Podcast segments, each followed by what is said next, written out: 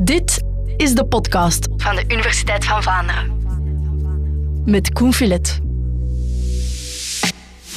Ik moet bekennen, ik ben slecht geplaatst om iets over menstruatiepijn te zeggen. Maar ik ga het toch doen.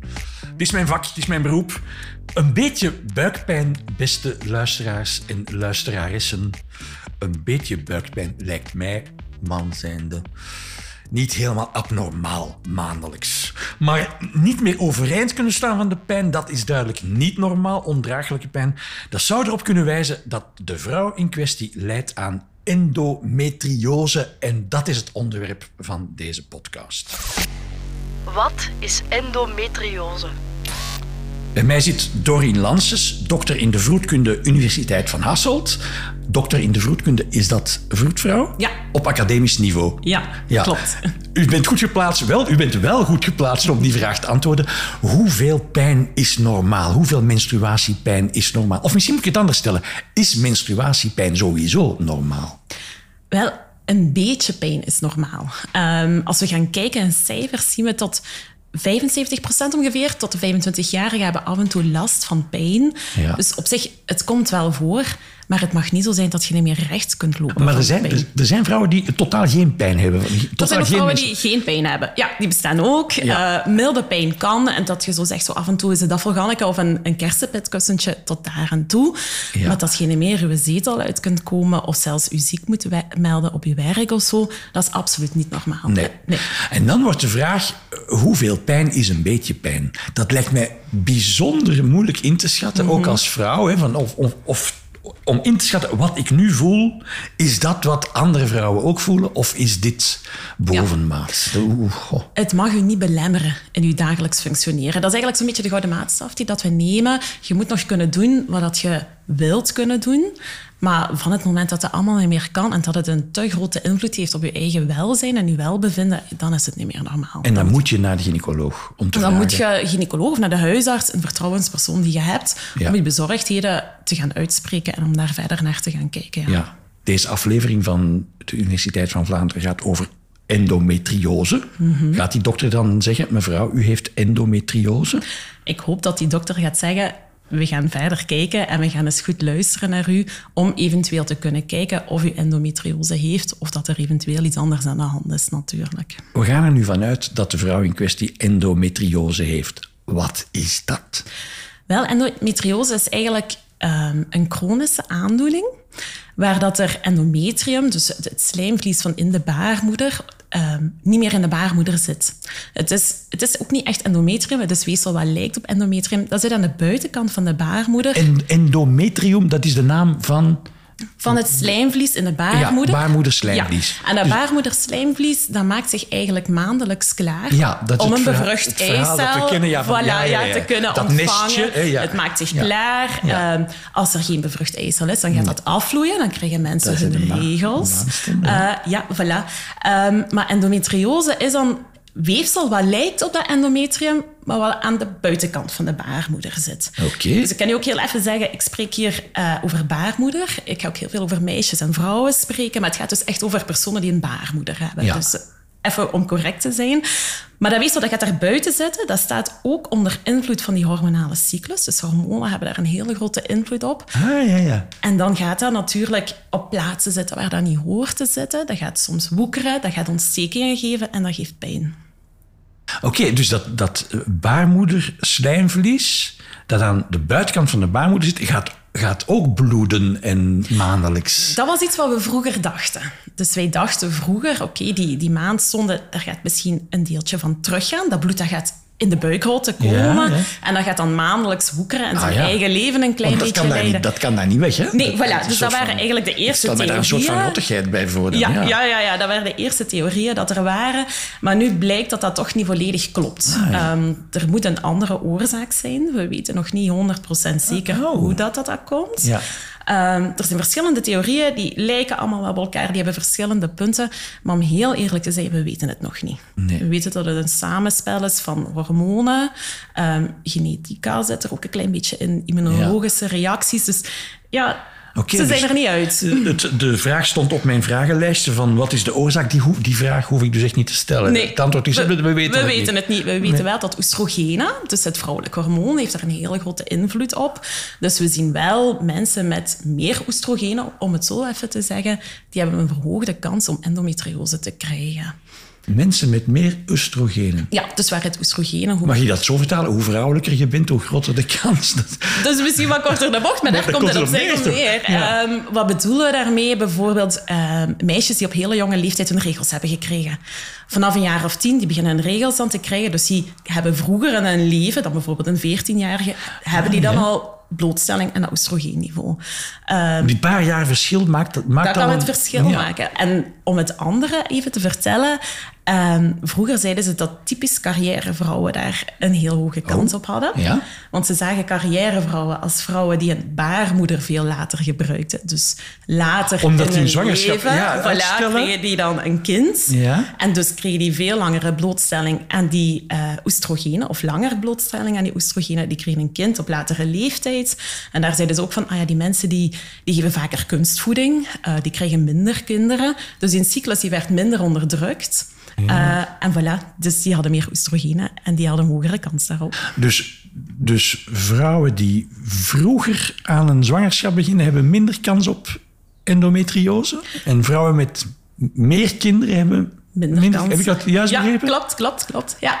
Omdat eh, wanneer dat jij zwanger bent of wanneer dat jij meerdere kinderen hebt, je zwangerschap onderdrukt de menstruele cyclus. Tij- Tijdens de zwangerschap heb je minder eh oestrogeen, was het, hè? Ja, klopt. Ah, ja, ja, Ja. Dat is negen maanden geen... Voilà, geen, geen menstruele cyclus. Ja, Als je ja. borstvoeding geeft, wordt er ook Dus een geen groei van dat slijmvlies. Voilà, en dan is er dus minder kans. Ah, tijdens de borstvoeding ook niet? Borstvoeding, inderdaad, houdt ook eh, de menstruele cyclus een bepaalde tijd tegen als je fulltime borstvoeding geeft. En dan inderdaad geen menstruele cyclus, dus geen hormonen wat kunnen inwerken op dat weefsel en minder endometriose. Dus geen borstvoeding geven is ook een verhoogd risico. Dat zien ze als een van de mogelijke risicofactoren daarvoor. Ja. Een van de dingen waarmee ik de voorbije dagen heb zitten in mijn hoofd rondlopen, was van, het, het lijkt mij een vrij recent fenomeen, endometriose. De, de laatste jaren hoor ik dat woord vallen, maar pakweg tien jaar geleden had ik dat nog nooit gehoord. En ik had de indruk van, dat is een recent probleem. Is- is- klopt dat? Dat lijkt zo. Hè? We zijn eigenlijk als vroedvrouwen en als gynaecologen en zo allemaal heel blij dat dat eindelijk op die maatschappelijke agenda komt. Ehm, maar de eerste keer dat dat neergeschreven werd, was volgens mij in 1927 door een eh, Canadese gynaecoloog, Samson noemde die.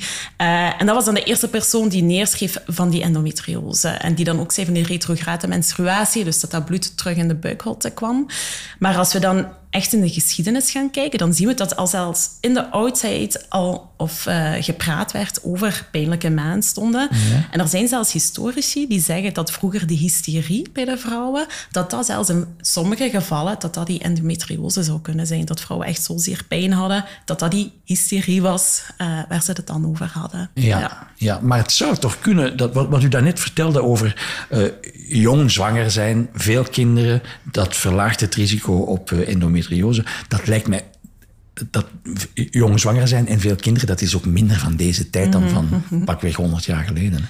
We gaan er eigenlijk ook een klein beetje van uit dat, dat ehm, de man een beetje als het beeld gezien werd in de geneeskunde. Dus het is eigenlijk pas sinds de jaren zeventig dat de feministen zo'n beetje opkwamen en dat die zeiden van kijk, we moeten de vrouw ook in de geneeskunde gaan praten, eh, plaatsen. Langs de ene zijde moeten vrouwen ook meer tot dokters kunnen opleiden. Mhm. Langs de andere kant ook vrouwen, dat, dat die als proefpersonen worden gezien. Ja, juist. Dus eigenlijk was het altijd het mannelijk lichaam waar proeven op gedaan werden. Enerzijds was het een beetje omdat ze zo wat schrik hadden van oké, als we klinische proeven gaan doen met medicatie, hoe gaan die vrouwen daarop reageren met de menstruele cyclus? Dat gaat toch niet te veel invloed daarop hebben? Ehm, en langs de andere kant waren ze ook gewoon een beetje als de doden dat die vrouwen per ongeluk zwanger werden, terwijl dat die medicatie kregen. Ja. En ja, wat effecten Laat ons maar natuurlijk- veilig op mannen ja, experimenteren, Voilà. ja. Dus die vrouwen die zijn heel lang uit dat klinisch onderzoek gehouden en het lichaam van de man was de norm. Ja. We noemen dat de bikini-visie. De bikini-visie? En dat is eigenlijk dat, dat eh, wanneer dat er onderzoek moest gebeuren, alles was als mannenlichaam gevouwd, ge- beschouwd, behalve voor de vrouwen. En dan alle stukjes onder de bikini, dus de borsten en uh, de voortplantingsorganen, die waren dan wel voor de vrouw. Maar alles wat daarbuiten viel, dat, was terug de norm voor de man. De bikini-visie. De bikini-visie. Ja, en daarmee denken wij ook dat die endometriose, dat dat nooit ergens neergeschreven is. Er zijn nog van die ziektes die iedereen kent, ja. maar dat we eigenlijk de oorzaak niet van weten of dat we niet goed weten wat we moeten doen. Migraine bijvoorbeeld, dat kent ook iedereen. Dat is eigenlijk ook meer zo'n typische vrouwenziekte. We weten ook niet echt heel goed wat we mee moeten doen. Ah, is dat een Ja. U, u, ja. u praat met een migrainepatiënt. Ah, voilà, voilà, voilà. Mijn excuses. Goed, maar ik, ik wil terug ja. naar, naar, naar het probleem aan zich, endometriose. endometriose. Ja. Dus dat ba het baarmoederslijmvlies komt op een of andere manier op een plek terecht waar het niet thuis hoort. Is dat dan vlakbij de baarmoeder en in de buurt van de eileiders? En... Ja, dus het is niet echt baarmoederslijmvlies aan Ah. zich. Het is baarmoedergelijkend slijmvlies. Ah, het oké. lijkt er heel fel op. Ehm, en je hebt er verschillende types in. En je hebt types die apart kunnen voorkomen. Je hebt ook type- types die samen kunnen voorkomen. Ehm, maar je hebt dus inderdaad oppervlakkige endometriose. Dat dat rond de ingewanden zit, rond de baarmoeder, rond de eileiders. Ja. Ehm, je hebt diepere endometriose. En dat is dat dat echt in de ingewanden kan gaan. Ehm, Ah, ja. En dat dat dus niet alleen in de baarmoeder of de eileider kan gaan, maar er zijn ook gevallen bekend met de blaas en de darmen. Ehm, of soms zijn er Dat zelfs... zo, ja, ik probeer mij in te beelden wat het precies... Dat die als het ware overwoekerd worden. Ja. ja, en dat er letsels komen op Ah. andere organen. Die letsels die gaan ontsteken, daar komt een ontstekingsreactie, daar komen bloedingen en dat doet pijn. En vandaar pijn. Absoluut, Ja. ja. En het hangt er dan maar vanaf eh in welke organen dat, dat, Ja. dat die cellen terechtkomen. Of is het altijd de blaas? Nee, het, eh, het kunnen echt alle organen van de onderbuik zijn. Ehm, Dus het kan ook in je nieren terechtkomen. Dan heb je Bijvoorbeeld, het kan, ja, er staan overal gevallen van beschreven. Sommige plaatsen zijn natuurlijk meer voorkomend dan andere plaatsen, maar er zijn echt verschillende case studies, zodat ze kunnen zeggen, ah ja, hier zit endometriose ehm, of niet. En natuurlijk, afhankelijk van waar dat zit, heb je andere symptomen. Ja. Als het op je blaas zit, kun je pijn hebben bij het blas, eh, plassen. Als het rond de vagina zit, kun je pijn hebben bij eh, seksueel contact. Ja. Eh, stoelgang maken kan ook. Dus ja, het zo'n... Dat zijn dus heel veel verschillende klachten. En, dan, en dan moet je als arts... Ja, en dan is een diagnose stellen moeilijk. Ja, ja, ja, van wat- wat is dit eigenlijk? Dus het is daarmee waarschijnlijk dat we denken dat dat ook zo onder de radar zit, omdat er zoveel symptomen zijn en zoveel klachten. Ja, wij zeggen nu 1 op 10 vrouwen heeft daar last van. Maar wij denken dat er echt een heel groot aantal bij zit wat we zelfs nog niet weten. Niet omdat ze geen klachten hebben, maar omdat die klachten niet Ja. gedetecteerd worden als Het duurt zijnde... gemiddeld vijf tot zeven jaar voordat er een diagnose gesteld wordt. Dus er lopen heel veel vrouwen rond met pijn. Ja, Die weten er is iets niet oké, maar ze weten niet wat. oké. Maar als de diagnose dan gesteld wordt, zegt de dokter dan meteen van kijk mevrouw, u heeft endometriose en we gaan dat zo en zo en zo aanpakken en over een half jaar bent u er vanaf. Ja, dat is moeilijk. Hè? Er zijn verschillende behandelopties. Dus je moet een, een beetje kijken per persoon eh, wat dat er gedaan zou kunnen worden. Wat sowieso gedaan zou moeten worden, is de pijn behandelen, natuurlijk. Ehm, Maar dat is symptomatisch. Hè? Dat is, voilà, ik wou juist zeggen dat is symptomatisch. Ja. Daar los je de endometriose Nee, niet mee op. nee. Ehm, omdat endometriose zo'n een hormoongevoelige ziekte is, wordt er dan vaak gezegd, we gaan opnieuw met hormonen behandelen. We gaan kijken om dat oestrogeen, om dat omlaag te kunnen krijgen. En een goed hormoon, wat daar zo wat tegen helpt, is progesteron. Wordt dan Dat- gegeven. wacht, hoe Ja. zit dat nu weer precies technisch in elkaar? Progesteron, dat zit in de pil, hè? Dat, Ja, dat zit ja. ook in de pil. Ja. Ja. dat houdt eigenlijk het, het baarmoederslijmvlies tegen om op te bouwen. Dat houdt dus ook een zwangerschap tegen. Dus als er geen zwangerschap moet zijn, dan heb je dat oestrogeen kort door de bocht niet nodig om baarmoederslijmvlies te maken. Dus ja, nu blijkt jammer genoeg dat één op drie vrouwen niet geholpen is met die progesteron. Ehm, dus dan moeten ze gaan kijken naar andere hormonale therapieën. Wat een beetje raar is, want we dachten daar net toch dat oestrogeen Ja. aan de basis van het probleem lag. ja. Maar als je, als je het eh, Ja, weg- voilà. Dus het is daar inderdaad dat, dat ze nog is het probleem niet opgelost. Ja, inderdaad. Dus als laatste redmiddel gaan ze vaak een chirurgische operatie doen. Dus dat ze echt Alles via een operatie de, de endometriosehaarden willen gaan wegsnijden. Wat natuurlijk... Maar een tijdelijke invasief. oplossing. Voilà. Ja, het is een chronische aandoening. Ja. Dus er is nog geen permanente oplossing. Mensen gaan een tijdje geholpen zijn, maar je weet over x aantal tijd, afhankelijk van patiënt tot patiënt, gaat dat opnieuw beginnen. Menstruatiepijn, dat heb je als je menstrueert één keer per maand, grofweg. endometriose menstruatiepijn. Heb je dat ook één keer per maand of heb je dat altijd? Ja, we zien initieel dat dat meestal begint met cycluspijnen. Um, en daar bedoelen Dus we mee één keer per meer maand, pijn Samen met de cyclus. ja, ja, ja. voilà. Dus eh, inderdaad, dat hangt samen met de menstruatie. Als die eraan komt, dan bouwt die pijn op. En die verdwijnt, dan met de menstruatie. Voor ieder persoon natuurlijk een beetje anders. Maar die endometriose die gaat niet weg. Die blijft natuurlijk wel in die buik zitten. Dus bij de volgende menstruatie komt er een beetje bovenop. En er zijn echt vrouwen die, omdat die letsels zo in die darmen en in die blaas zitten, dat die eigenlijk met continue pijn rondlopen. En dat, dat, dat neemt toe in de loop van je Ja. leven. Ja, neemt het toe. Neemt ja. de hoeveelheid Ja. verkeerd slijm toe. Toe. Ja. En dus ook de pijn. En de pijn En op de toe. duur is die cyclische pijn continu. Ja, voilà. Er zijn echt mensen met continue pijnen in de onderbuik, omdat die letsels daar eigenlijk continu zitten. Ik heb ook wel eens horen vertellen, en ik, ik kan dat niet plaatsen in wat u nu verteld heeft, dat eh, mensen met endometriose ook vaak onvruchtbaar zijn. Klopt. Ja. Maar dat vind ik een beetje raar, want het is toch niet omdat dat baarmoederslijmvlies op verkeerde plekken kruipt, dat het baarmoederslijmvlies op de plek waar het thuis hoort, in de baarmoeder, niet meer functioneert. hoe, hoe, hoe komt dat dat dat samengaat Ja, met... dus eh, endometriose heeft zo twee grote alarmbellen. Dat is enerzijds pijn, het andere is het onvruchtbaar zijn. Ja. En dat is echt omdat dat zo letsels en verklevingen kan maken op die eierstokken, eh, omdat dat zo kan Ah, ja, ingaan. ja, ja, ja. op heel veel dingen. Het is niet zo dat iedereen die endometriose heeft onvruchtbaar is. En niet iedereen die onvruchtbaar is, heeft altijd endometriose. Maar je ziet bij mensen die onvruchtbaar zijn, dat die 25 tot 40 procent, dat daar wel endometriose mee in het spel zit. Omdat er van dat rare spul rond de Ja, en letsels eierstokken veroorzaakt. en de ja, ja, zitten. absoluut. Ja. Ja. Ik heb nog een mannenvraag. Hebben mannen oestrogeen in hun lichaam? Er zijn gevalstudies van endometriose bij mannen bekend. Daar wou ik naartoe. Ja, ja. heel, heel, heel zeldzaam, maar ze staan wel beschreven. En waar komt dat dan vandaan? Want ik, ik heb geen baarmoeder. Ja, geen idee. Dus dat, dat, dat is iets in het lichaam waarschijnlijk dat ook wel eh, een bepaalde hoeveelheden oestrogenen zal produceren. Ja. Of dat er wel nog, nog andere invloeden zijn die daar ja, een mogelijke oorzaak Ja. van zouden kunnen ja, zijn. ja. Nu wil ik endometriose niet claimen voor de mannen. Absoluut. Nee, nee. maar, het, maar het kan dus inderdaad ook. Ja, maar het komt echt extreem zeldzaam voor. Ja.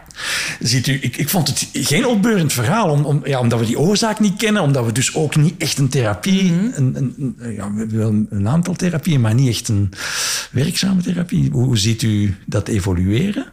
Wel, ik ben eigenlijk heel blij dat dat er nu maatschappelijk draagvlak is. Dus dat ik onder andere hier dat mag komen vertellen. ja. Ik denk dat bewustwording heel belangrijk is. Ehm, als ik lessen geef op de universiteit, dan zijn er nog heel vaak meisjes die zeggen, ah ja, maar ik heb, ik heb echt pijn. En dan probeer ik echt te zeggen, maar dat is niet normaal. Hè? Allee, Terwijl er vroeger wel vaak werd gezegd, een beetje flink zijn, het hoort erbij. Ja, voilà, pak het afvalganneke. Ah, Ik ja, ga er ja. even mee door, eh, pak een kussentje. Ehm, ik denk dat, dat, dat we echt bewustwording moeten creëren van echte pijn is niet oké en laten we verder onderzoeken. En ook naar die vrouwen zelf toe, want er is een percentage, ik geloof 2% van de vrouwen ondervindt echt allee, mindere levenskwaliteit door die endometriose. En als je dan ook nog eens een omgeving hebt die zegt van stel u nu aan, Mhm. ja, dat, dat is verschrikkelijk. Maar je ziet, ja, je ziet dat er meer bewustwording komt. Er zijn ook VZW's opgestart, ondertussen endo, endometriose VZW geloof ik. Dus je ziet ook dat, dat het meer in de opleidingen van de artsen komt. Ehm, en ik hoop dat binnen x aantal tijd, dat wat ik hier nu vertel, dat dat niet meer van toepassing is. Hè? Omdat ze dan verder staan in dat onderzoek en Ja. dat er wel goede therapieën zijn en zo. Ja. Ehm, maar je merkt stilaan dat ze er wel mee bezig zijn. Oké, ik hoop het met u mee. Dorien Lanses, dank u wel. Dank u.